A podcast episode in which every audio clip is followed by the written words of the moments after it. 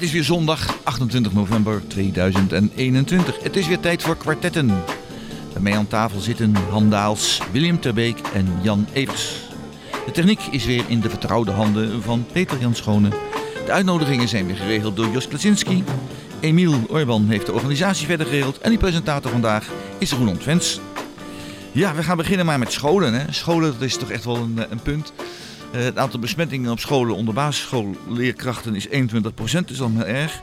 Maar er gebeuren ook wel andere dingen met scholen. En zo krijgen ouders de kans om als ze een kind naar een andere gemeente willen brengen, omdat ze een bepaalde overtuiging hebben, uh, dat, dat, uh, dat ze daarvoor een leuke subsidie krijgen van 1340 euro per jaar. Ik kijk even naar, naar de overkant, naar William Terbeek. We zitten hier met z'n gezellig met vier aan tafel. William, wat vind jij daarvan? Ja, ik, ik vind het heel bijzonder dat dit, uh, dat dit mogelijk is. Kijk, als het kinderen zijn die met een beperking, zij lichamelijk, geestelijk of hoe dan ook. Ja, dan, zijn ze niet. Ze zijn gewoon, gewoon, gewoon kinderen. Zo, ja, nee, maar dat bedoel, ik, ik, dan die, die, die kinderen met een beperking, daar, daar heb ik dan wel vrede mee. Maar uh, voor een school om naar Enschede te gaan, stel je hebt zelf kinderen en die uh, een saxion hebben we hier in Hengelo niet. die moeten naar Enschede toe voor een saxion, krijgen die ook vergoeding? Ja, uh, volgens mij niet. Nee, volgens mij niet. Dus dat, dat vind ik een beetje het kromme. Ik gun die mensen dat wel. Maar ik, ik denk van ja, iedereen heeft dan evenveel recht.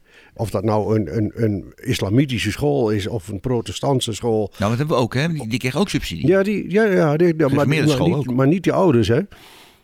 Die ouders van die kinderen, die scholen krijgen wel subsidie. Maar het gaat mm. in dit geval over de subsidie van de reis daar ah, ja. naartoe omdat de school hier niet meer Omdat de school is. hier niet meer herhaalbaar is. Ah, okay. Ja, en als jij dan per se ja. wil dat je kind naar een islamitische school of een anderszins school heen wil, moet gaan, ja, dan moet je daar ook zorg dragen voor die kosten. Dan moet je niet afwimpelen op de nee. gemeenschap. Ja, nee, weet je, ja. nou ja, ja, ja, vanuit GroenLinks, wij zijn sowieso niet eigenlijk voor die zuilen in het uh, onderwijs. Uh, en al helemaal ook niet in het basisonderwijs. Maar we hebben met die wet nu eenmaal te maken. En dat je alle zuilen vrijheid van onderwijs en, en, uh, en ook uh, geloofsrichting enzovoort. Nou ja, de islamitische school kunnen we hier blijkbaar niet uh, financieel voldoende draagvlak geven om hier te vestigen. En dan, ja, dan, dan moet je iets. En dan is dit vermoedelijk nog een stuk goedkoper dan dat je. Ja, nou Jan, even, even, ja. even dit. Hè. Um, als we nou ervan uitgaan dat er is vrijheid van onderwijs, dat staat in de grondwet. En dat is een, een groot goed, daar is iedereen het over eens. Maar um, als je dan naar een bepaalde school wil, die vrijheid heb je dan, moet je dat dan subsidiëren. Extra, de vervoerskosten subsidiëren. Want die, die vrijheid is er. Dat wil niet zeggen ja. dat je er ook betaald voor krijgt. Nee, maar het alternatief is dat je hier dus in Hengelo een islamitische school realiseert. Net zoals je een katholieke school hebt, protestantse school, openbare scholen. Ja, maar die is er wel geweest. We hebben de tulp ja. gehad. Ja, maar die, dat was niet haalbaar blijkbaar gezien de, de leerlingen. Te weinig aantal leerlingen. Ja, ja. Ja? Uh, maar, maar wat ook een ding is, de, de gemeente gaat over gebouwen. Daar is binnen ja. de wet de gemeente voor aansprakelijk dat zij voorzieningen moeten treffen, dat daar onderwijs gegeven kan worden. En dit heeft niks met gebouwen uit te staan. Ik zeg ook niet dat de gemeente het niet kan doen, maar ja, waar, waar, wanneer houdt het op? Nou, ik kijk naar de man van het onderwijs tegenover mij. Het is uh, ja. Han, Han Daals. Um, ja, ook, ook wij hebben met toch wat verbazing uh, dit, uh, dit uh, bericht gelezen. En ehm, wat mij dan ook weer opvalt is van, ja, hoe dan? Hè? Waarom, waarom wordt dat dan gesubsidieerd? En er wordt dan weinig uitleg gegeven. Ehm, blijkbaar liggen daar regel, ligt daar regelgeving onder dat dat kan. Hè? Um, maar ik kan me voorstellen dat veel mensen zeggen: ja, hoezo dan?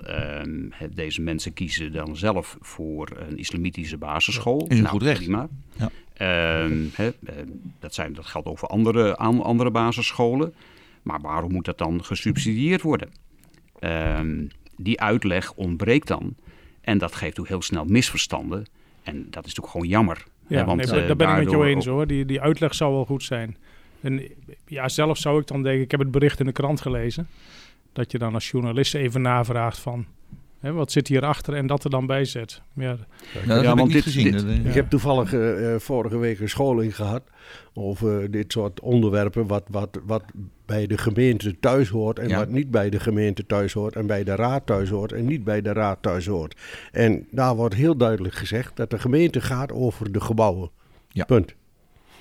Nou ja, niet over de inhoud. Mensen moeten maar niet verkeerd begrijpen dat ik iedereen onderwijs gun, waar dan ook. Maar je, je moet ergens een grens leggen. Als ik per se wil dat mijn kind naar een bepaalde sport toe gaat, die hier niet in Hengelo is, dan moet ik daar zelf voor opdraaien. Dan moet ik daar geen van een of andere pot uh, subsidie van krijgen. En ik, ik, heb mij laten vertellen dat dit nog uit een coronapot komt ook. Nou ja, dat, is, het is, het is onduidelijk. en dat, kijk, want dat is ook wel een punt. Dat komen we trouwens ook veel meer tegen uh, bij de gemeente Hengelo. Het stukje communicatie over van uitleg waarom uh, ja. iets, iets plaatsvindt. En uh, wat, wat, want dat is jammer, hè, omdat die uitleg er nu niet echt is. En blijkbaar, heb ik net al aangaf, is daar regel, ligt daar regelgeving onder. Maar het, het, het gaat weer uh, ten koste van vooroordelen. Hè, zo van, zie je wel, uh, deze groep uh, krijgt toch weer voordelen. Ja. En ja, ja dat, het dat is gewoon jammer. discriminatie in de hand, hè?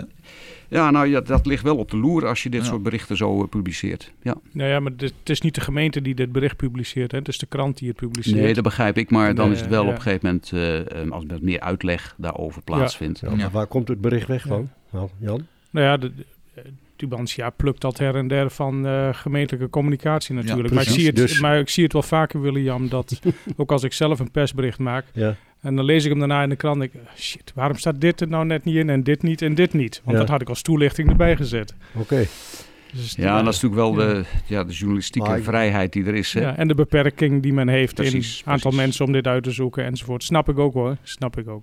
Ja. We hebben flink zitten uh, knijpen in uh, lokale journalistieke mogelijkheden en dat is jammer. Ja.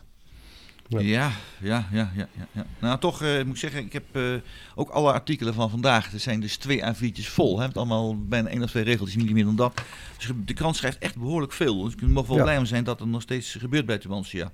Zeker. Hè, als gewoon vroeger Zeker. de krant toch wel ja. dikker was. Dat ja. vond ik altijd wel, wel leuker, wat meer uh, achtergronden. Goed, nou ja, daar, daar zit wel een, een risico, hè, als ik daarop in mag gaan. Want... Um, uh, de regionale verslaggeving, um, ja, dat wordt toch wordt minder. Uh, de persgroep is eigenaar uh, van Tubantia. Ja.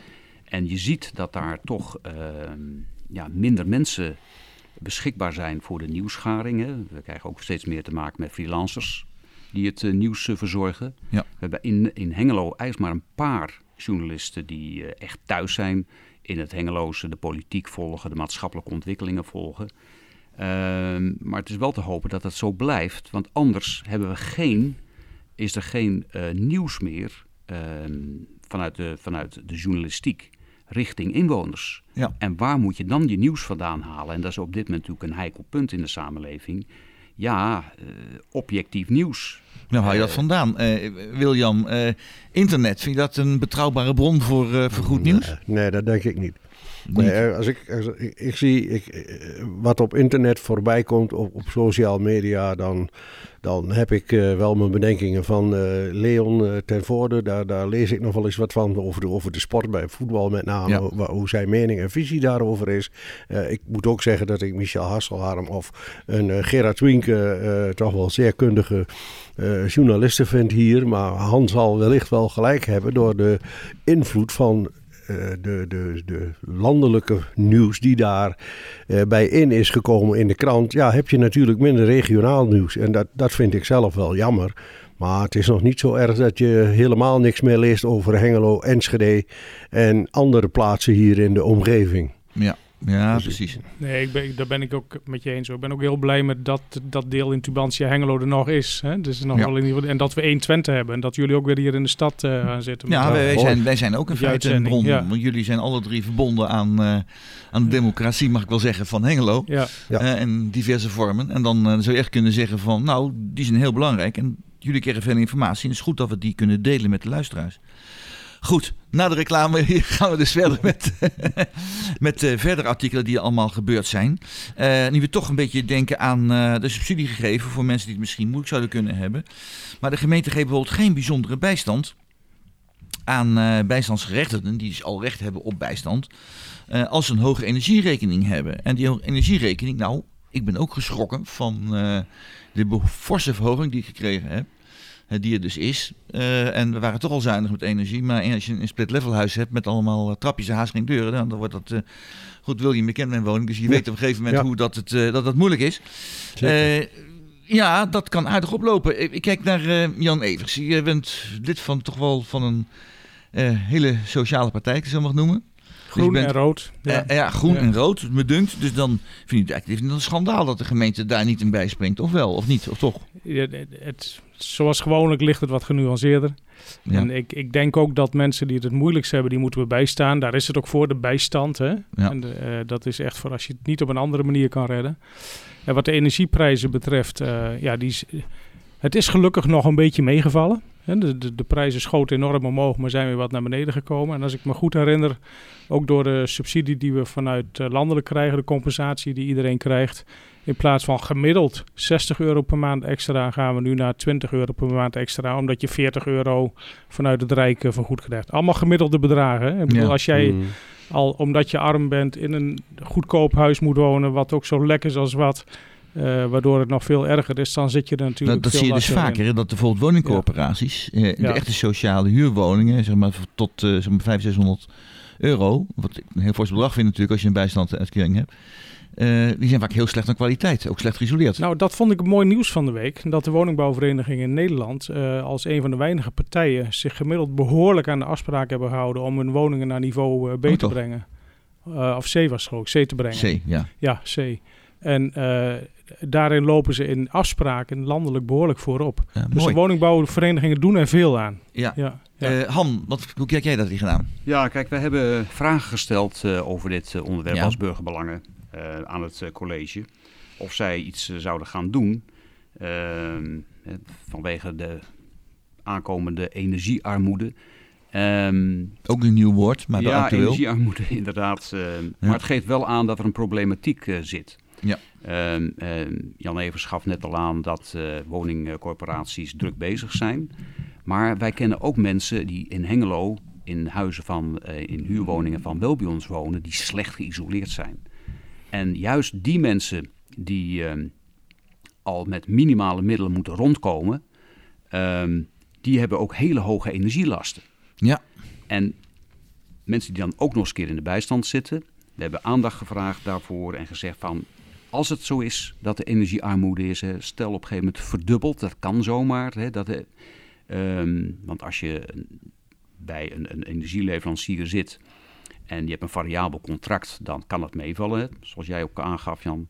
Uh, maar er zijn mensen die hebben daar ook andere uh, keuzes gemaakt en die gaan behoorlijk omhoog. En als je al veel energie betaalt, eh, aan energie betaalt, dan kan dat uh, net de druppel zijn die de emmer doet overlopen. En mensen ja, die komen dan niet meer uit. Ja. En dan is de, dan is de vraag van ons aan het college van let daarop. En mocht het nou zo zijn op een gegeven moment dat iemand echt niet redt, nou, zorg dan voor wat extra bijstand. Ja. William, hoe kijk jij er tegenaan? Ja, ik, wat ik bijzonder vreemd vind, en met mij denk ik heel veel mensen, dat iedereen de subsidie krijgt. En waarom kijkt men niet naar vermogen van mensen, naar een salarisplafond, om dan te zeggen van die groep mensen die daaronder zitten, krijgen die uitkering. Ik vind dit zo krom en, en ik, ik begrijp bij God niet wie dit oh, bedacht heeft daar in Den Haag. ben ik helemaal met je eens. Dat is, dat is zo verschrikkelijk slecht nieuws, want ik gun die mensen die dus in die bijstand zitten gewild of ongewild. Ik neem aan, niet gewild, maar meestal zijn ongewild in de bijstand. Ja, die, die moet je dan helpen. Maar die help je niet met een, met een aalmoes. En er zijn heel veel volkstammen hier in dit land die het uh, gewoon hartstikke goed hebben. En die hebben dat geld echt niet nodig. Echt niet. En dan denk ik van waarom geef je dat niet en voeg je dat niet toe? Dat die centen naar die mensen die het al veel slechter hebben als wij. Kijk, ik, ik heb niks en denk zoals wij hier zitten hebben niks te klagen. Maar ja. Nou, maar ben ik wel eens met, met William, eh, want uh, dit is een, een merkwaardige maatregel. Hè? Mensen inderdaad die het makkelijk kunnen betalen. Nou, mooi meegenomen. Merken en, en, en die merken dat helemaal nee, niet. Ja, precies. En um, juist die mensen die het nodig hebben, ja, die hebben dus al veelal hogere energielasten. Nou, daarom nou, zeg ik het ook. Help die, die mensen, dan, ja, help die um, mensen wat meer voort als uh, hetgeen wat er het, het, nu gebeurt. Het zegt ook iets kabinet. Uh, wat we op dit moment uh, hebben, demissionaire kabinet, ja, maakt soms gekke bokkensprongen. En wat niet te volgen is. Ik vraag nou, mij af dat of komt wel vaker, denk zijn, ik, in dit uh, programma naar voren dat er bijzondere dingen gebeuren op uh, landelijk niveau.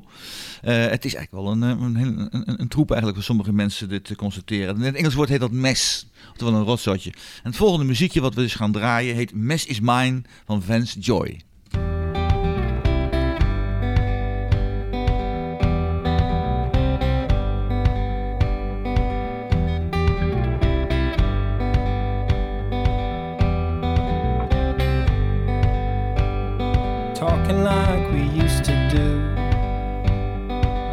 Was always me and you, shaping up and shipping out. Check me in and check me out. Do you like walking in the rain?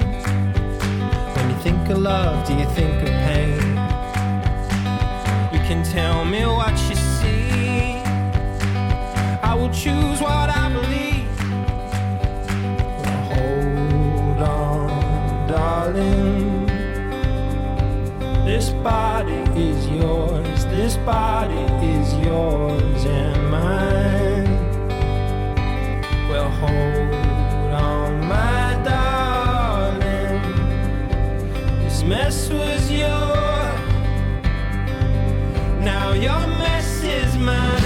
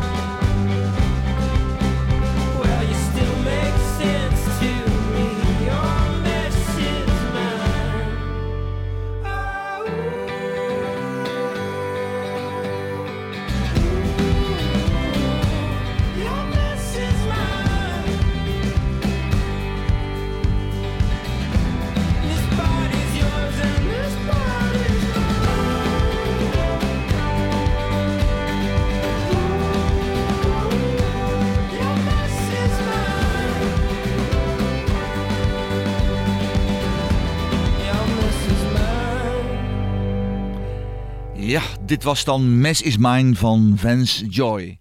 Een prachtig nummer. Eh, ja, Mess is Mine, een rommeltje is het maar. Hè. Er zijn er meer dingen die eh, wat, eh, wat wonderlijk zijn de laatste tijd. Ik heb me erover verbaasd dat er komen steeds meer particuliere beleggers. Ook in Hengelo. Vandaar we het hier ook voor Hengelo ook bespreken. In heel Nederland is er een Noorse belegger, Helmstaden. En die heeft in drie jaar tijd 13.500 woningen gekocht. Nou, als ik dat zo uitreken, dan hebben ze, dat zijn dat er eh, zo'n 450 geloof ik per jaar. Eh, die ze dus, wat zeg ik nou? 4500 zelfs per jaar. Dat houdt dus in dat er zo'n zo'n zo'n 15 per dag geloof ik aan het kopen zijn. Dat is gigantisch wat ze dus. En dat is maar eentje. Eén belegger. Er zijn heel veel mensen die, die beleggen. Geld op de bank leeft niks meer op. Dus ja, maar het, het loopt toch wel een beetje uit de hand. Want daardoor worden de huurprijzen die worden natuurlijk helemaal eh, gigantisch. William, wat vind jij ervan? Ja, eh, ik, op Ben je ook zich, eh, belegger? eh, sorry? Ben je ook een belegger? Eh, in principe wel, ja. In principe wel. Ja, ja maar niet in onroerend goed. Alhoewel ik recent twee wat variante uh, garageboxen heb Kijk laten dan. schieten. Ja. Uh, maar dat, dat, ja, ik kan iedereen adviseren wie dat kan om dat toch maar te doen. Te doen, en ja. dat, dat daar grote jongens zitten met heel veel geld, ja, dat, dat, dat zij zo.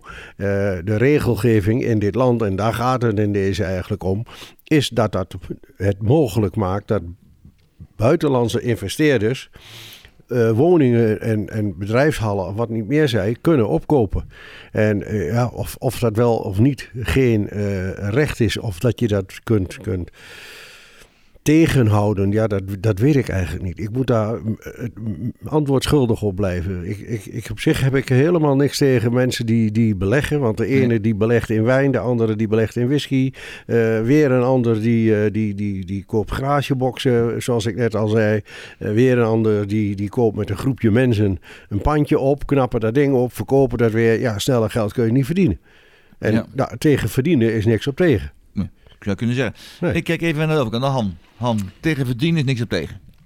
Nee, op zich is daar zeker niks op tegen. Maar het probleem wat hier ontstaat is ehm, dat beleggers ehm, toetreden tot die woningmarkt. En dat met name de mensen die behoefte hebben aan die woningen, eh, dat die minder toegang krijgen. En dat is, wordt onzeker wat de toekomst wordt. Wat gaan die beleggers met, eh, met de huurprijzen doen bijvoorbeeld? Ehm, wat doen ze met het onderhoud? En, ehm, ja, en hoe hou je als, als gemeente daar controle op? En dat is best lastig. En vandaar ook zoveel aandacht op dit moment. Eh, het beleggen op zich is daar natuurlijk... eh, ja, ik denk dat daar helemaal niks mis mee is. Alleen we proberen natuurlijk wel als gemeente ook te reguleren... dat er toegang blijft, ook voor mensen die minder te besteden hebben... Eh, op huurgebied, we hebben niet voor niks voortdurend discussie in de gemeenteraad over 25% eh, van nieuwbouw huurwoningen. Eh, sociale huurwoningen met name. Eh, maar ook koopwoningen die eh, toegankelijk blijven voor grote groepen in de samenleving. Ja, dat is wel belangrijk. Ik kijk naar eh, Jan Evers. Ja, ik, ik denk dat er wel wat, dus behoorlijk wat mis mee is met al dat beleggen in die aangekochte privéwoningen. Want het is, een, mensen een- niet beleggen? het is een eerste levensbehoefte van mensen. En dat moet niet een, een verdienmodel op zich zijn. En eh, wel met mate, maar dan moet je grenzen aanstellen. Want wat nu gebeurt is, zeker doordat we met flexhuur kunnen werken. En dat is een aantal jaren geleden ingevoerd. Wat is onder de- flexhuur? onder de, de huidige kabinet en het voorgaande, dat je eh, verhuren mag voor een periode van één of twee jaar. En dat was toen de bedoeling om daardoor meer ruimtes beschikbaar te krijgen. Dat Ja. mensen die een zolderkamer hebben denken, ik wil niet eh, tot in je lengte van jaren Was een vastgedaan goede verhuren. gedachte was, was een goede gedachte. Maar wat nu gebe- gebeurt is dat particuliere eh, huizen aankopen. Eh, daar een eh, verhuurder of meerdere huurders inzetten voor één of twee jaar. En dan één of twee jaar het contract beëindigen. En dan de volgende huurder een fors hogere huur vragen. En een, een huur van 1000 euro is niet eh, raar meer. En dan de volgende gaat zo 1100 betalen. 10% meer. En dan Ja. elke 1, 2 jaar erbij. Dus het gaat heel hard. Dus ik denk dat we daar met z'n allen grenzen aan moeten stellen. En als we nog heel even teruggaan naar eh Helmstaden. Hè, dat is Ja, een grote Helmstaden, belegger uit, ja. ik dacht Zweden. Noorwegen. Noorwegen. Noorwegen, oké. Maar die, die heeft nog een behoorlijk eh, sociaal beeld. Hè. Die, die, die investeert echt voor de lange termijn. Die wil ook dicht bij zijn huurders blijven staan. eh, alles op lezen, hè, heb ik ze- gelezen in ieder geval. Dicht bij de huurders blijven staan. Doen zelf ook het beheer en de verhuur. Besteden dat niet weer uit. Eh, en doen gewoon huurcontracten. Dus nou, dat valt er misschien nog wel mee. En zo'n grote heb je dan in beeld. Het artikel wat vanochtend in de krant stond... was weer een mooi staaltje onderzoeksjournalistiek... van een aantal kranten samen. Wat gelukkig de afgelopen paar jaar eh, meerdere keren gebeurd is. Ook op milieugebied en... Maar daar kwam uit dat er eh, ook best veel particuliere investeerders zijn. Die begonnen zijn 15 jaar geleden met eens één huisje te kopen. En dan nu ondertussen duizend huizen hebben, bij wijze van spreken. Eh, Dat en- heel veel van particulier hoor. ja, maar, die, maar de- van dat rijtje waren de verschillende die meerdere honderden in ieder geval hadden. Zo. En, eh, en het punt wat Han net ook al even aangaf, Han Daals, is eh, dat je als gemeente dan bijna geen zicht meer hebt op wie heeft nou welke huizen in deze stad en wat zijn de plannen. En hoe ga je dan daar nou nog een woonbeleid goed op voeren en, en vaststellen van wat willen we in de binnenstad, wat willen we in de woonwijken. En dat wordt wel steeds een belangrijker punt. Dat het, eh, als je dan een paar. Kijk, de, pensioenbeleggers en de woningbouwverenigingen enzovoort, die heb je wel in beeld. En daar praat je ook al mee. En de Hart van Zuid, wat we hier in, eh, in, Enschede, in Hengelo hebben, daar is nu een, eh, een zogenaamde. ehm, eh, hoe noemen ze hem ook alweer? De woontafel of zo. dus daar zitten ze met alle partijen die in Hart van Zuid een, een, een, een, positie hebben om wat te kunnen gaan bouwen, zitten ze aan tafel en maken voor de komende tien jaar gezamenlijk plannen wat er in dat gebied moet gebeuren. En dat heb je ook nodig om een goed beleid te kunnen voeren. Ja, ja. En met al die versnippering is dat lastig. Ja, maar, ook, lastig. maar als we nou zeggen... Oh. ja, ook, ook daar, uh, Jan, uh, is natuurlijk uh, het risico dat beleggers daar een voet tussen de deur krijgen en daar een aantal woningen kopen. Ehm, de smelterij waar nu woningen zeg maar te koop staan. De vraag is dan, kunnen beleggers daar ook toetreden? Die zeggen, van, nou, doe er mij maar tien. Ja. En, wat, en dat zou natuurlijk een hele slechte zaak zijn. De, de gemeente die, die, die, die, verdient toch ook aan uh, de verkoop van gronden. Ik bedoel, uh, ik, ik, ik, denk dan van, dan moet je bij, wel bij de bron beginnen. Ik bedoel, de gemeente die koopt gronden voor, voor weinig, brengt dat tot, tot, tot ontwikkeling. En uh, verkoopt dat vervolgens als je naar Delmeter toe gaat voor 357 euro per vierkante meter, exclusief BTW. Ja, nou, dat is, ook geen gewone woningstad. Maar als je ja, ja, een nee, maar, woning hebt, betaal je veel voor We hebben het over een, een verdienmodel. Ja. Hè? En, en eh, in, in de, de gewone woningbouw... Kijk, ik, ik ken ook mensen, die, die gezinnen, die vaders uh, met, en moeders met kinderen, en familie, die kopen een pandje. Nou, die uh, gaan daar wat in beginnen of verhuren het. Vervolgens hebben ze na een jaar of drie, vier, vijf kopen ze een volgende pandje. En dat is een soort vliegwiel wat zich dan gaat versnellen. En dan denk ik van ja, feitelijk kan niet iedereen, maar heel veel mensen kunnen dit. Maar mensen doen het niet. Uh, ik, ik heb daar een beetje moeite mee dat wij daar op, op tegen zijn. Nou, maar, nee, maar, ik heb, maar, ik dat, heb dat, punt wat jij nou, dat punt wat jij nou noemt, William, ja. als voorbeeld, dat is gecombineerd met die flexhuur, ja. maakt dat die huren ja, maar goed. Enorm hard omhoog de, de huren gaan ook omhoog vanwege die grond van de gemeente. Nee, nee, nee, nee dat is maar zeer oh, natuurlijk zo. En als je naar Hart van Zuid kijkt, dan is de gemeente is één partij die grondposities heeft. Maar er zijn verschillende anderen oh, die ook grondposities En dat is prima. Ja, ja. En die zitten samen aan tafel om te overleggen wat we hier gaan doen. Even, even, Jij weet ook, uh, Jan Evers, dat, dat uh, de gemeente bijvoorbeeld aan de Olderzaalse straat... die duizend vierkante meter voor een ton, maar een ton, verkocht hebben. Ik had het graag willen kopen. Voor een waar, ja, waar bedoel je, waar die woontoren Ja, waar die woontoren. Ariens ja. school? Ja, ja, ja. Dus uh, ik vind dat een beetje... Dit, even, ik wil even terugkomen, want uh, Han die begon over, uh, over de smelterij. Ja. nou, als je kijkt naar de, de prijzen, die worden dus nou, zijn nou bekend als ze in de verkoop komen. Dus vandaag is dat bekend geworden, tot ons vandaag in de krant. En dat is 327.500 voor de meest eenvoudige woning. Appartement. Een appartementje is dat, en een klein appartementje. Dus dat, is, dat, dat stelt heel weinig voor. en tot een bijna een half miljoen, 490.000 euro voor een, voor een eengezinswoning. Dat is bijna een half miljoen voor een gewone eengezinswoning. Uh, nu is de rente laag, maar als je die voor 10 jaar vastzet en over een paar jaar is het, uh, is het 4% geworden, die kans is heel groot aanwezig, dan ben je in één keer failliet. Heb je een probleem? Uh, Han, is dat nou zo'n ideale situatie? Dat we nou, zulke enorme prijzen vragen voor die huizen? Kijk, je zegt er wel uh, op een gegeven moment naar 4%, maar de meeste mensen die nu een hypotheek afsluiten, doen dat meteen voor 30 jaar. En die leggen het ook meteen vast uh, op die anderhalf procent. Dus fantastisch. Maar als je vijf ton op een gegeven moment leent, moet je wel een keer gaan terugbetalen. Ja, dat is het probleem. En dat terugbetalen, en zeker als je huis onder water kan komen te staan in de toekomst, dat wordt dan echt een, uh, echt een probleem. Een half miljoen. En dat is natuurlijk heel veel geld. Ja. Uh, ik verbaas me hooglijk tegenwoordig hè, dat we praten over tonnen alsof het niks is. Uh, en de salarissen die stijgen natuurlijk wel, maar niet met, met enorme percentages dat je dat kan permitteren. Dus mensen nemen steeds meer risico. Uh, overigens zie je dus dat landelijk, dat we als, als Nederland uh, een te hoge schuld hebben, omdat we zoveel geleend hebben met de hypotheken. Ja. En uh, ja, dat, dat vindt ook eh, de Europese Unie niet fijn. Een beetje, beetje raar. Ik wil even William nog even, even toe, want William, jij bent een man, nou, jij komt uit de bouwwereld. Ja, precies. Maar dat, dat, klopt. Maar uh, wat Han net, net terecht opmerkte, is dat de mensen steeds meer risico's nemen. Hè? Maar je kunt ook nee zeggen van ik doe het niet. Ja, maar je moet toch een woning hebben? Ja. Jawel, nee, maar dat, dat, dat is niet het criteria. Het criteria is de prijs van die woningen. Ja, maar de, van die appartementen. Je, je moet een woning hebben, dus moet je betalen. Ja, nou, als jij op een gegeven moment het risico wilt en kunt nemen dat je zoveel geld van de bank kunt lenen, nou dan, ja, waarom eigenlijk niet? En de andere kant is, zoals uh, Handaals net aangaf, uh, en dat mening ben ik ook toegedaan, men sluit het af voor 20, 30 jaar. Nou ja, wie dan leeft, wie dan zorgt.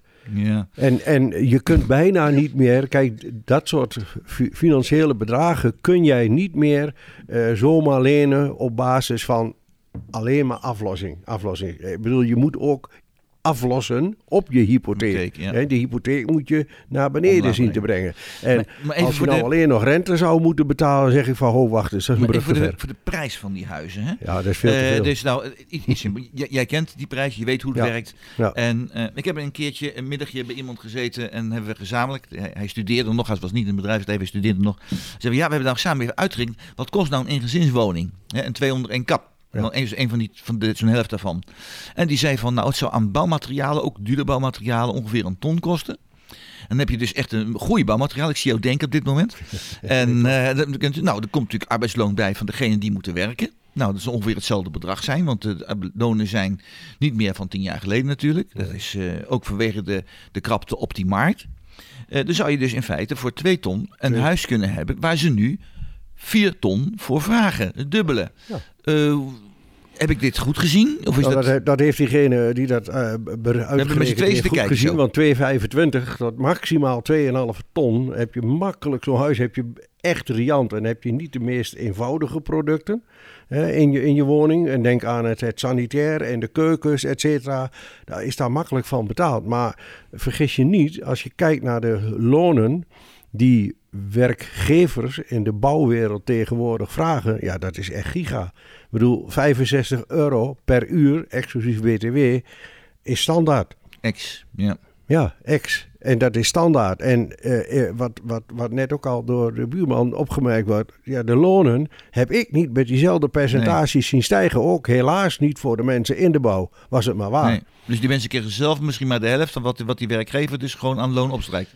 Nou ja, dan hou je nog royaal aan. Ja. oh, oh, oh, jongen, jongen, jongen. jongen. Ja. Nou, dat is... eh, nou goed dat we dat horen. Dan, misschien moet daar eens ook eh, naar gekeken worden, Han. Ik zie jou ook het bedenkelijk kijken. Nou ja, het, het punt blijft natuurlijk hè, dat die, eh, die woningprijsstijgingen zo hard gaan dat de toegankelijkheid eh, steeds kleiner wordt voor mensen. En, en dat is ehm, toch wel een, eh, een, een punt en een zorg, een steeds grotere zorg, ook als gemeente, dat je toegang blijft geven tot die woningmarkt voor iedereen.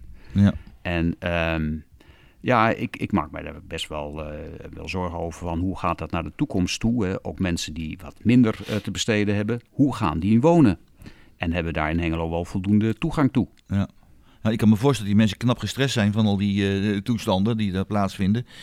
Dat brengt ons bij het volgende nummer, heet Stressed Out. Dus je bent helemaal eh uitgezenuwachtigheid. Eh van 21 Pilots.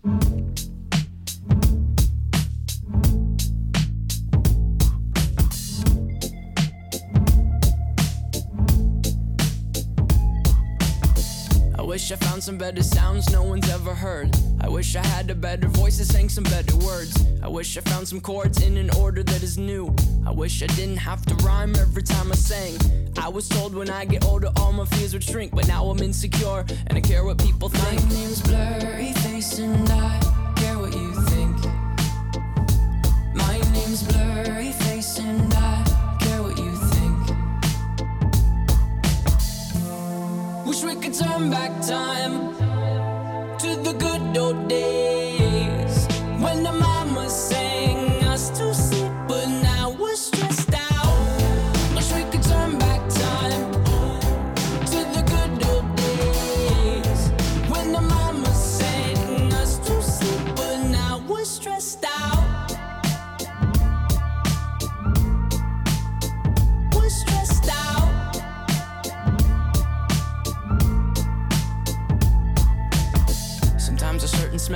me back to when I was young. How come I'm never able to identify where it's coming from? I'd make a candle out of it if I ever found it. Try to sell it, never sell out of it. I probably only sell one. Maybe to my brother, cause we have the same nose, same clothes, homegrown, a stone's throw from a creek we used to roam. But it would remind us of when nothing really mattered. Out of student loans and treehouse homes, we all would take the ladder. My, my name's Blurry and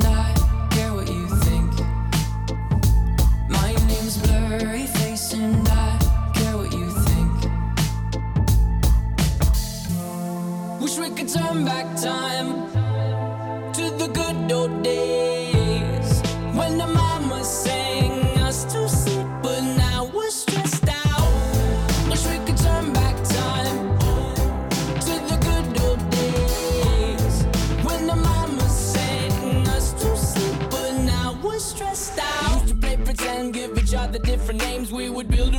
ship and then we'd fly it far away. Used to dream of outer space, but now they're laughing at the face, saying, Wake up, you need to make money. Yeah. We used to play pretend, give each other different names. We would build a rocket ship and then we'd fly it far away. Used to dream of outer space, but now they're laughing at the face, saying, Wake up, you need to make money. Yeah. Wish we could turn back time to the good old days when the mama sang us to sleep, but now we're stressed out. Wish we could turn back time to the good old days when the mama sang us to sleep, but now we're stressed out. used to play pretend, used to play pretend bunny. We used to play pretend, wake up, you need the money. Used to play pretend, used to play pretend bunny. We used to play pretend, wake Pretend, give each other different names. We would build a rocket ship and then we fly far away. Used to dream of outer space, but now they're laughing at the face, saying, Wake up, you need to make money. Yeah. Ja, dit was dan Stressed Out van eh, 21 Pilots. Ja, wonen, het is wat ook hier in de, tijdens de muziekje hebben we nog even doorgepraat over de, over de woningen. Nou is er een hele bijzondere categorie van woningen en dat zijn woonwagens. Ik had daar vroeger had ik een romantisch beeld van. Ik zou zelf ook wel toen ik jong was. Ik vond het lijkt me spannend om met een woonwagen rond te trekken. Maar eh, ja, woonwagen is wel iets bijzonders. Want ik weet vanuit Den Haag, waar ik eh, meer dan 50 jaar geleden vandaan kwam. Daar had je dus een woonwagenkamp. Nou, dat zag niet uit als een woonwagenkamp. Het was gewoon een dorp op zich. Ja, ik kon de wielen niet zien. Het waren allemaal bungalowtjes. En nu is het nog veel meer, heb ik begrepen. Eh, Ik weet niet wat hier van het, het eigenlijk het plan is. Maar ja, die woonwagens die zijn er nog steeds niet. Ik kijk eventjes naar eh, William, maar ja. Je lijkt me geen woonwagenbewoner. In tegendeel, Nee, je nee, woont in een nee, maar er is ook niks mis met een woonwagenbewoner, denk ik. Ja, Eh, de, dat heeft een negatieve eh, weerklank al- als je die berichten daarover ook leest. Dat mensen daar waar nu woonwagens gepland zijn, die zeggen eigenlijk eh, van we hebben al genoeg. ja, criminaliteit hebben ze al genoeg, zeggen ze. Ja, ja, ja, maar het is niet per definitie zo dat een woonwagenbewoner een crimineel is. En ik, dat is een, een, een vooroordeel. En het is met al dat soort zaken zo, not in my backyard, eh, niet bij mij in, in de omgeving. Eh, ja, ik, ik vind dat een beetje vervelend, maar waarin de gemeente wederom, als ik de berichten goed heb begrepen, tekort is geschoten, is ga voordat je een besluit neemt met de bewoners in overleg, waar dat wel plaats kan vinden. En kijk eens goed om je heen, waar is daar ergens een, een ruimte voor, waar die mensen ja, ook fatsoenlijk eh, hun, hun, in, in, in een wijk plaats kunnen nemen, zonder dat er wellicht, eh, als je al overlast zou hebben, dat er dan overlast is. Dat, dat, dat, dat is mijn ding, wat, zoals Ja, ik er ja. tegen aankijk. Ik, ik, voorhand eh, heb ik niks tegen woonwagenbewoners. Want ik ga vast niet zeggen dat iedere, eh, eh, iedereen die hier in dit land komt wonen... of iedereen die bij mij naast of boven mij komt te wonen... dat is toch geen, niet per definitie een crimineel? Nee, nou goed, ik ken naar Jan. Jan, je knikt erbij. Ja. Ja, nee, zeker. Ehm, niet iedere woonwagenwoner is een crimineel. Sterker nog, eh, was volgens mij vanochtend ook in de column van Michel Hasselerarm. Die hadden ze even in de, in de Ja. archieven gezocht wanneer er nou voor het laatst een incident was geweest. Het laatste was 20 jaar geleden en ik geloof dat er een gaslek Er was. was een gaslek geweest, dan hadden ze een Ja. gezellige avond. eh, Ja, verder was er niks gebeurd. Dus dat is absoluut dat is een vooroordeel inderdaad, William. Ben ik met jou eens. Ja, ja. En eh, ja, we, het is eigenlijk schandalig dat we er nu pas mee komen. In 1998 hebben we in dit land al besloten dat we woonwagenplekken in elke gemeente moeten realiseren. En Ja. eh, nou, dit gaat er dan 14 worden als dit doorgaat. Sommige En, mensen wachten al eh, 17 jaar. hè? Precies, sommigen wachten al 17 jaar, ja. En er zijn er dan nu nog vier bijgekomen, geloof ik. Dus zou nu om 18 eh geïnteresseerden zijn voor deze mogelijk 14 plekken. Dus eh, ja, ik vind dat heel goed dat we daar nu echt wel op doorpakken. En eh, op een goede manier ook. Ehm, ja, ik denk dat, eh, dat het vooral ook zaak is dat we niet om oneigenlijke argumenten dan proberen dat er toch niet te krijgen. Want er zitten vaak wel veel vooroordelen bij, eh, zoals jij die schetst, Ja. eh, William. Dat Ja. denk ik zeker. Han. Ja, ehm, we hebben natuurlijk al heel lang in Hengelo drie woonwagenlocaties. En Jan Evers gaf het al aan, er is nooit wat aan de hand geweest. Elders in het land ja, lees je wel eens verhalen dat het niet goed gaat, maar dat is overal mee. Dat, eh, dat geldt over bij woonwijken, dat er dingen fout kunnen gaan. Ehm, en dat het zo lang heeft geduurd, dat heeft ook te maken met, uh, met het feit dat uh, we lang hebben gedacht van nou we gaan het uitfaseren. We gaan die mensen in huurwoningen zetten. Dan hebben we ook geen, geen woonwagens meer in Nederland. Nou, daar heeft Europa een streep doorgezet, al lang geleden, in 1998 geloof ik.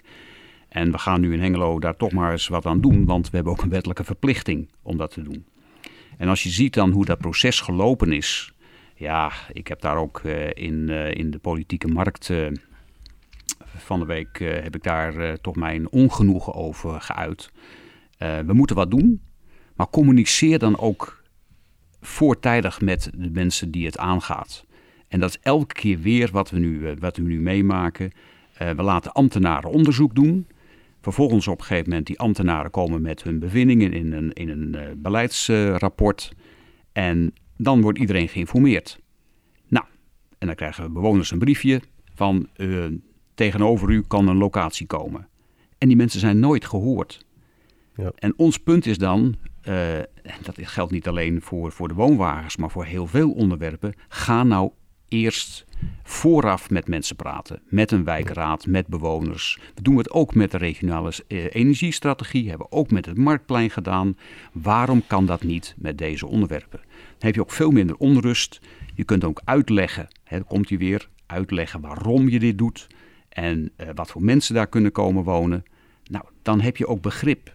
En als je dat nou even, doet. Even, even, dit. Ik herinner me toch wel uh, dat er zijn momenten geweest zijn dat de gemeente zogenaamd de bewoners lieten kiezen wat de oplossing was. Een voorbeeld is bijvoorbeeld de Troelstraatstraat daar zo. Toen zouden vrijliggende fietspaden komen, bomen worden gekapt. Uh, en er was, de bevolking was daar in grote meerderheid tegen. Die hebben daar ook bij verschillende bijeenkomsten zijn ze geweest. En die waren er allemaal tegen. En die zeiden van ja, dat moet je niet doen. En uiteindelijk zei toen het college, uh, was Hans Kok in de tijd nog, die zei toen van ja, maar eens goed luisteren, uh, jullie zijn allemaal tegen. En vijf keer in Nederland vindt ook al niet zo'n goede oplossing. Dat kan allemaal wel zijn. Maar ja, het is een doorgaande weg en die maken we altijd vrijliggende fietspaden. Dus dit gaat gewoon door. En toen werd dus de bevolking gevraagd van ja, maar we hebben al die inspraakavonden gehad.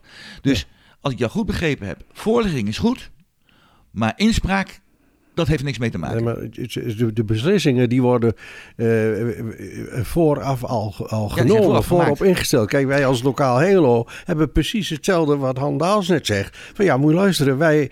Uh, wij zijn voor, voor inspraak. Kijk, wij, wij, halen niet voor niks als lokaal Hengelo nu bij de inwoners. We staan bij, bij, bij, bij winkelcentra. Vragen we de mensen van, joh, uh, wat, wat zou je veranderd willen zien in Hengelo? Nou, en dat is uh, democratie. En met die gegevens in de hand ga je mee naar je verkiezingsprogramma maken. En als je dan eventueel in het college komt, maar ook al zou je niet in het college komen, het zou de gemeente Hengelo zieren dat ze daar meer naar die inwoners luisteren. Ja. En niet andersom. Ik ga even naar Jan. Jan. Ja, nee, je nam net een aardig voorbeeld rond de Troelstraatstraat. Ja. Ik denk dat echt die communicatie en participatie en voordeel heel belangrijk is, maar dat je van tevoren wel aangeeft wat de speelruimte nog is. En dat je niet valse verwachtingen wekt uh, en hoopt dat er wel uit zal komen wat je eigenlijk al besloten hebt. Ik bedoel, dat gaat mis. Dat komt ook uit. Dus uh, als, er, als er zoiets ligt waar die speelruimte er niet meer is, ja, dan is het puur alleen maar informeren. En, en als daar nog wel een, uh, een inspraakmogelijkheid is, en eh, dan moet je ook informeren waarom dat dan niet mogelijk ja. is. Hè? En als er nog wel uh, inspraak mogelijk is, dan, dan moet je dat op die manier ook goed organiseren. Maar, en ook in, de, in dit geval, hè, als je met, uh, met, de, met de bewoners van Hassel Rest had gesproken, of met uh, daar bij Groderine, uh, ja, dan kun je een hoop geluiden horen waar je misschien denkt, ja, dat gaat ons plan niet helpen. Maar dan heb je die geluiden alvast wel. En dan kun je daar al iets mee doen. Maar en, ja. wij zijn van mening, als burgerbelangen zijn wij van mening dat ehm, elk plan heeft een begin. En bij dat begin, dan kun je eerst ophalen bij de belanghebbenden de belanghebbenden van nou luister eerst eens en ga dan beginnen met je planvorming. Juist. En dat is een, een, een, een principieel punt. En je ziet heel veel beleidsambtenaren uh, die beginnen eerst met onderzoek en het in kaart brengen en dan gaat men pas luisteren. Maar, maar een voorbeeld, ja. hè? Stel, stel dat in een straat de riolering vervangen moet worden. En dan, dan, dan is dat de randvoorwaarde. Het riool moet vervangen worden. Je kan het er nog over hebben wanneer. Maar verder gaat je inspraak niet. Nou, zeg dat dan ook van tevoren. Hè? Maar dus, uh, Jan, ja. dat, dat voorbeeld ja. wat je nu geeft, um, even mijn eigen straat waar ik woon. En um, jaren geleden moet ook het riool vervangen worden. Maar wat moest er nog meer vervangen worden? Dat waren ook de parkeervoorzieningen. Eh, dat was het groen. Nou, daar hadden wij op een gegeven moment vooraf hadden we als straat inspraak. En dan konden we aangeven, nou, wat, wat, waar wilt u de bomen hebben? Waar, hoe wilt u parkeren? Ehm, want de straat moet toch open. En hoe wilt u, eh, zeg maar, eh, de aansluiting op uw huis hebben? Precies. Ja. Op dat moment werd van tevoren werd overlegd. Iedereen blij en Ja. geen enkel bezwaar. En dat die straat open moet, ja, Dat was een gegeven. dat was Ja. een gegeven.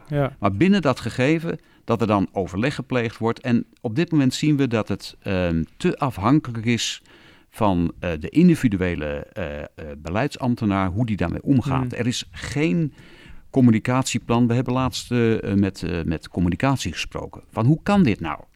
Nou, wat blijkt nu? Dat de afdeling communicatie is een stafafdeling. En Dat ambtenaren... betekent? En de stafafdeling betekent hè, dat zij adviseren. Ja. Dus een, een ambtenaar kan, kan op een gegeven moment zelf bepalen oh, hoe die communiceert. Een projectleider bepaalt zelf hoe die communicatie. En dat vind ik vreemd. Ja, dat is heel bijzonder vreemd zelfs. Ik bedoel, het is toch heel normaal dat dan zo'n beleidsmedewerker eh, die, die zaken op tafel legt en daar vervolgens mee eh, naar, naar, naar BMW in gaat. Maar goed, eh, we slaan eigenlijk een ding over. Die beleidsmedewerker had eerst de, de bewoners of de inwoners, waar het ook maar is, moeten vragen en informeren van dit en dat zijn onze Ja, plannen. zijn- Bij jou of niet in de straat. Als ik je mag onderbreken, Ja. zijn jullie als je maar binnen de raad niet ontzettend gefrustreerd? Want wat gebeurt er nu? Zo'n beleidsambtenaar die maakt dan het plan, zonder de bevolking daarvoor te vragen of te informeren. Achter zijn bureautje ontwerpt hij van alles. Hartstikke leuk, mooi en aardig. En wat krijg je dan? Eh, die gaat ermee naar het college. College, ja, eh, met alle respect, eh, dat zijn ook geen deskundigen echt op het gebied, maar die hebben wel het beste voor. Bestuderen de zaken goed natuurlijk, dat wel. Maar ja, die gaan er meestal wel mee akkoord wat die beleidsambtenaar zegt. Dan gaat het naar de raad. Een meerderheid van de raad zal het in bijna alle gevallen gaan steunen. Want ja, je steunt het college, dat is traditie. Hè? Dat doe je nou Ja, eenmaal. ja. Oppositie die is in de minderheid, die kan roepen wat hij wil, haalt niks uit. Dus zie ik het helemaal scheef dat wij hier in Hengelo geen eh, democratie hebben, maar een bureaucratie. Zie ik dat goed? Nou, nou ik, ik- je, je, je zegt en je gebruikt het woord, maar eh, in feite is er geen woord aan gelogen wat je zegt. Ik bedoel, eh, als, als de, de beleidsambtenaren iets willen en dat wordt voorgekoud bij, bij het college. Het, het college dat, dat eh, neemt dat voor lief aan, knikt braaf ja. En vervolgens, als dat college dan in de, de, de, eh, in de raad komt, of van via de politieke markt dan in de raad, ja, dan, dan is het heel logisch, want het college heeft een meerderheid en die dansen allemaal naar de pijpen van het college. Dus dat wordt met meerderheid van stemmen aangenomen. En zoals je zelf al aangeeft, ja, de oppositie heeft het nakijken. En daar ontstaat ook veel frustratie van. Jongens, eh, dit zijn onheilzame dingen die jullie nu al aan het doen zijn. Doe dat niet. Maar Ik, ik ga even naar, ik ga even naar Jan toe. Jan zit met te kijken van de ene kant gefronste wenkbrauw, aan de andere kant met een glimlach. Hoe kijk jij daar tegenaan? Je, je chargeert enorm. Ja, ik chargeer enorm. Maar ik, wat dat doe ik met opzet en ik natuurlijk. denk dat, ehm, eh, zeker als ik naar de eerste helft van deze collegeperiode kijk, er veel meer ook het overleg gezocht wordt met, eh, met, met de oppositiepartijen vergeleken met de vorige periode. Nou ja. Dus ik vond dat echt een heel stuk beter. En ook als het eh, rond eh, duurzaamheid en groen, wat voor ons belangrijke thema's zijn, heb ik toch diverse dossiers wel gezien waar ik wel wat verschuiving heb gemerkt. Eh, de afgelopen, het afgelopen jaar vind ik het weer wat minder worden. Maar dat Oh, heeft ja. ook wel deels met die afsplitsingen te maken, waardoor het ook voor sommige coalitiepartijen wat lastiger is om toch die meerderheid makkelijk te krijgen. Ehm, dus nee, je chargeert. Ik zou Hengelo echt niet Nee, alleen zeg een bureaucratie willen noemen. Nee. Ik ga even Ja. naar Han. Han, heb ik erg overdreven? Eh, nou ja, het is niet, je zegt van nou dit is een Hengelo, maar dit geldt ook landelijk. Hè. We zien dus ook eh, landelijk natuurlijk dat, eh, kijk naar de toeslagenaffaire, dat eh, even dit ambtenaren, dit punt, ja nee, dat ambtenaren op een gegeven moment eh, daar eh, de leiding hebben. Ehm, nou, wij kunnen in de raad, in de gemeenteraad van Hengelo, kunnen wij het college alleen naspreken.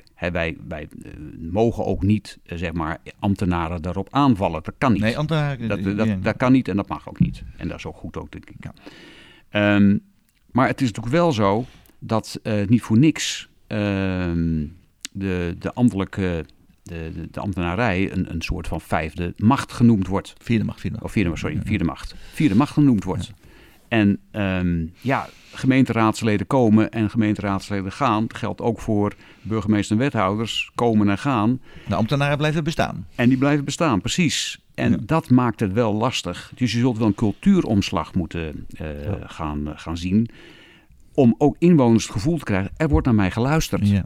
En dat gebeurt op dit moment onvoldoende. Nou, uh, we gaan kijken naar een prachtige titel ook. My Baby Just Cares For Me. Dat moeten we ook hebben als uh, ding. Uh, van Nana Simone. Nana Simone.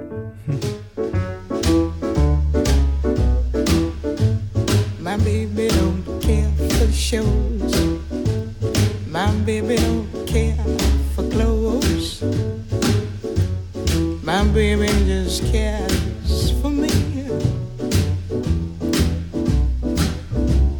My baby don't care for cars and races. My baby don't care for high tone places. Liz Taylor is not a style, and even Lana Turner's smile. Something he can't see. My baby don't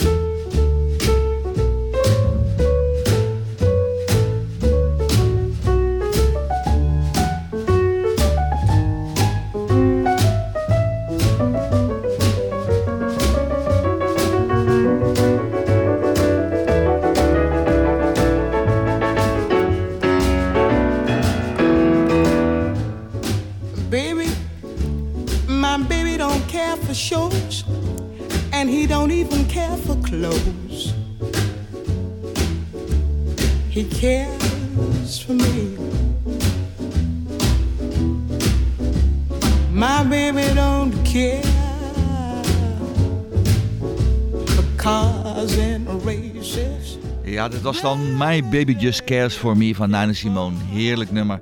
Ik vind wel een positief nummer, al die negatieve dingen die we gehad hebben. Laten we nog eens een keer echt positief uh, dit programma afsluiten met zin in kunst. Nou, ik heb altijd wel zin in kunst gehad. Dus uh, ik kijk eventjes naar, uh, naar Jan. Jan, zin in kunst. Ja. Heb jij ja. zin in kunst, Jan? Heb ik altijd. Altijd. Ah, ja, mooi, ja, precies. mooi, mooi. Ik Vertel. ben, uh, ik ben 1 september met pensioen gegaan en ik heb nog nooit zoveel musea bezocht als de afgelopen paar maanden. Zo knap hoor. Ondanks corona, het allemaal gelukt. Ondanks, kan nog net. Ja. Maar deze vond ik erg mooi. Dat in de zaal waar we als raad de afgelopen jaren vaak vergaderd hebben. Dat is het uh, theater in de Bergflo uh, school. Het Bergflo Theater. Ja. In die zaal is een prachtig initiatief begonnen. Met, uh, de, volgens mij draait het nu al één à twee jaar of zo. Met de kunstkring Zin in Kunst. Waar ze uh, nou, meerdere keren per jaar ja, kunstgerelateerde activiteiten hebben. Lezingen of presentaties. Of, nou, daar hebben ze toch al honderd leden mee. 100 leden hebben ze al, ja. En uh, ja, dat vind ik een mooi, mooi idee daar. Zes lezingen per jaar, al redelijk. Ja, ja, ja. ja over, over kunst en over dat soort dingen. Ja, en dus een uh, ja, mooie aanzet tot wat ons betreft nog veel meer op ja. kunstgebied in Hengelo. Ja. Goed, ik heb uh, ruim 15 jaar kunstles gegeven, dus uh, betaald lyceum. Maar uh, Han, ik kijk jou even aan. hoe zei jij ten opzichte van kunst in, in onze gemeente? Ja, ook, gemeente. ook, wij natuurlijk ondersteunen dat van, van harte. Ehm, al die ehm, initiatieven die ja. er zijn in de stad. Ehm, hoe meer, hoe beter, zullen we zeggen wij. want kunst geeft kleur aan de stad. Ja. En dat is gewoon noodzakelijk. Hè? Um, dat maakt het ook uh, leuk om uh, in, een, in een stad te wonen als er veel kunstinitiatieven zijn. Um, soms is het lastig, hè? Dan, dan denken mensen, ja, waar gaat dit in godsnaam over? Dus soms wat meer uitleg zou wel mooi zijn. Um, ook meer naar buiten toe te treden. Dat zou ze ook een, ook een wens. Ehm kunstenaars zijn soms te veel, zeg maar, uh, in de beslotenheid zijn ze bezig. En dan denken we, nou, laat gewoon eens wat meer zien. zien ja. En daar hebben we straks een soort prachtige marktplein voor. Ja, bijvoorbeeld, nou. hè, dat we veel meer met uh, kunstuitingen kunnen. Ja, ze hebben al gedaan, de Kortenstaal gaan ze al doen, dat zijn ze al mee bezig. ja, ja, ja, dus kunst uh, prima. En dat, dat nogmaals, dat uh, geeft de dynamiek en de creativiteit van de samenleving aan. En we willen graag als Hengelo uh, natuurlijk een, een aantrekkelijke woonstad zijn. Ja. Daar hoort cultuur bij.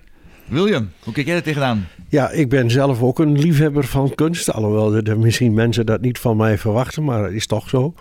Uh, wat mij alleen tegen de borst stuit is dat wanneer gaan die kunstenaars nou eens in Hengelo om de tafel zitten en om die krachten te bundelen? Want als je die krachten bundelt, dan kan er nog veel meer uitkomen van wat onze andere sprekers hier net al hebben gezegd.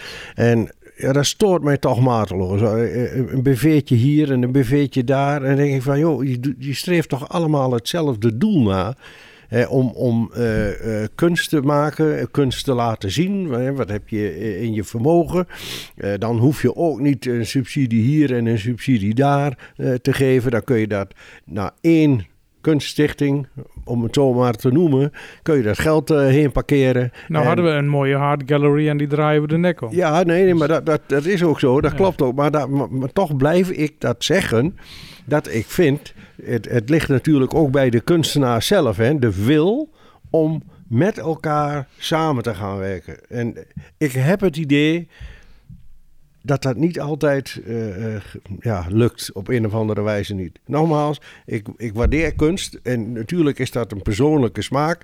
Ik vind ook niet alles mooi in de kunst, maar er zijn heel veel zaken die ik wel mooi vind. Als ik even naar, naar, naar een, grijs verleden ga, als je kijkt naar de 17e eeuw, toen hadden wij al die, die voor kunstschilders van, heel veel, maar ook beeldhouwers, maar van kunstschilders. Ja. En die, die hadden allemaal aparte bedrijven. Was, de kunst was toen in de tijd een ambacht. Ja. Dus echt een naam moet je aanspreken, neem ik aan. zeker. En uh, jouw bedrijf is ook zo. Als de ambacht. Ja. ambacht. Dus het was echt een ambacht. En tegenwoordig moet het allemaal iets verheven zijn. Dat was in het verleden niet. Vind je niet dat de, de, de kunst ook in Hengelo veel meer op een ambacht moeten gaan leiden. Dat ze dus gewoon dingen maken hè, die de mensen fijn vinden, waar ze zelf ook helemaal achter staan. Dat is iets van, maar vind je dat een idee? Ja, nee, maar dat vind ik zeker een idee. Wat ik ook een idee vind, kijk, als ik naar Lara Vos kijk hier in de Nieuwstadpassage, ja. uh, die maakt, althans dat vind ik, hele mooie kunst. En, maar die houdt wel haar eigen broek op. En, ja. en uh, dat zou, kijk, als, als wie, hoe we hier ook zitten, morgen met een onderneming beginnen, dan is er niemand die zegt van, ah, het draait op het moment wat minder, ik, uh, hier heb je wat centen.